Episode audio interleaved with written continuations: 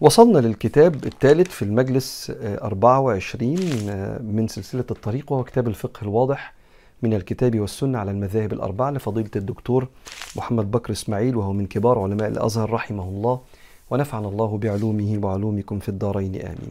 وصلنا لأنواع النجاسات وخدنا المرة اللي فاتت جزء من المحتوى ده وهنكمله إن شاء الله. آه، النجاسة هي كل شيء يستقذره الإنسان. ربنا سماه نجاسة إن في أشياء مستقذرة تقرف منها بس مش نجاسات لكنها أشياء مستقذرة أشار لها سيدنا محمد إنها نجاسات.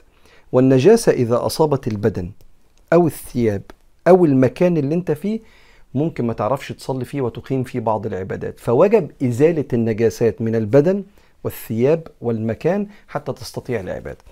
وقسم فضيلة الشيخ آه، آه، النجاسات لنوعين. نجاسات متفق عليها كل العلماء يقول عليها نجاسات ونجاسات مختلف فيها.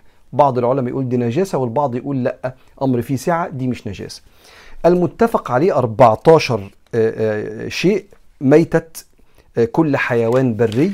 كل ده مشروح في الدرس اللي فات لازم ترجع له لو ما سمعتوش. الدم المسفوح لحم الخنزير بول الإنسان وغائطه البول والبراز بول وروث كل ما لا يؤكل لحمه لحم ما لا يحل أكله من الحيوان وما فصل من الحيوان وهو حي قطع منه يعني ثم دم الحيض ودم النفاس ودم الاستحاضة دول 14 نجاسة متفق عليها. ثم بعد كده نجاسات مختلف بعض العلماء يقولوا دي نجاسة وبعضهم يقولوا لا قفل الموضوع فيه سعة. بول وروث بول وبراز بول وروث ما يؤكل لحمه مختلف فيها. المني مختلف عند العلماء. مني الرجل نجس ولا لأ؟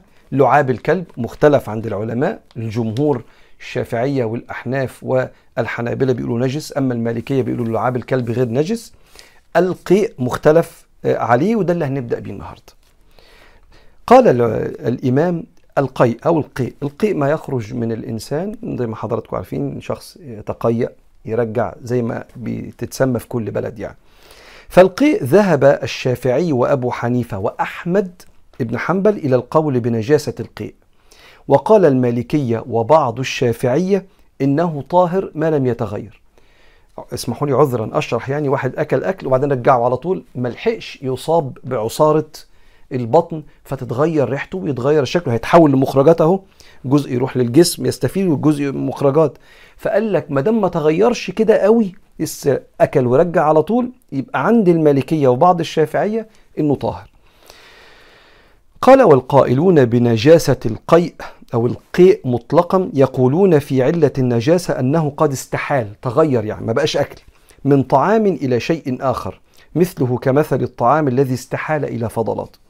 والقائلون بطهارته يعني لو واحد رجع الترجيع ده ما يبقاش نجس والقائلون بطهارته ما لم يتغير يراعون فيه أنه لا يزال طعاما ولا يعطى حكم العذرة. العذرة يعني التواليت المخرجات يعني.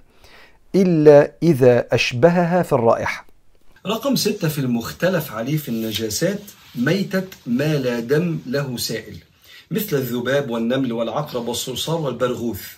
وقد ذهب الجمهور إلى طهارتها. لحديث سلمان رضي الله عنه أن النبي صلى الله عليه وسلم قال يا سلمان كل طعام وشراب وقعت فيه دابة ليس لها دم فماتت فيه فهو حلال أكله وشربه ووضوءه. وعن أبي هريرة رضي الله عنه أن النبي صلى الله عليه وسلم قال إذا وقع الذباب في إناء أحدكم فليمقله أو فليغمسه فإن في أحد جناحيه داء وفي الآخر شفاء. رواه البخاري. موضوعين. موضوع الأولاني لو في دبانة ميتة على سجادة الصلاة دي مش نجاسة ينفع تصلي وده مش زي الحيوان الميت ده ميتة ما لا دم سائل له. أما حديث النبي صلى الله عليه وآله وسلم بتاع الذبابة اللي ساعات بعض الناس بيتخانقوا عليه وهو حديث صحيح. سيدنا النبي عليه الصلاة والسلام مش بيكلم الناس بس اللي عايشة في رغد العيش. فأنا النهاردة لو نزلت اشتريت سندوتش ووقعت فيه دبانة ممكن ماكلوش أو وقعت فيه بشرب كوباية عصير ولا كوباية شاي. لا كوب طب كوباية مية. وقعت فيها دبانة. أنا عندي الحنفية لو بشرب من الحنفية وعندي المية المعدنية. في إمكانيات عند كتير مننا. لكن النهاردة لو إحنا بنتكلم في حكم نجاسة وبنتكلم على حرام وحلال. في بني آدم هو ما عندوش في يومه بل في أسبوعه. أكل غير ده. دبانة إيه؟ خد بالك هنا حكم شرعي. فالدبانة وقعت هو ممكن ياكلها بالدبانة من كتر المجاعة اللي هو فيها. ما تقوليش إيه القرف ده؟ استنى. هو إيه القرف ده بالنسبة لك أنت؟ عشان أنت عندك وفرة. في واحد بيموت ما عندوش غير كوباية المية دي بس. وانت بتشوف في البلاد اللي حواليك لما بتكون في أزمات وفي حروب إزاي طوابير المية وطوابير الأكل. الإسلام جه لخطاب الجميع. فسيدنا محمد عليه الصلاة والسلام بيقول لو في دبانة وقعت في الشراب بتاعك ولا في الإناء اغمسها وشيلها وكل. فإن في أحد الجناحين داء والتاني دواء. طبعا الطب اكتشف صحة كلام النبي عليه الصلاة والسلام من حيث الطب. إحنا عندنا كمؤمنين لو الحديث صحيح الطب يكتشف يبقى يا سلام نشكر الأطباء. الطب ما اكتشفش إحنا بنطبق كلام النبي عليه الصلاة والسلام. بس النبي هنا ما أمرش على سبيل الوجوب. يعني إيه؟ يعني مش قال لك لو الدبانة وقعت لازم تعمل. لا.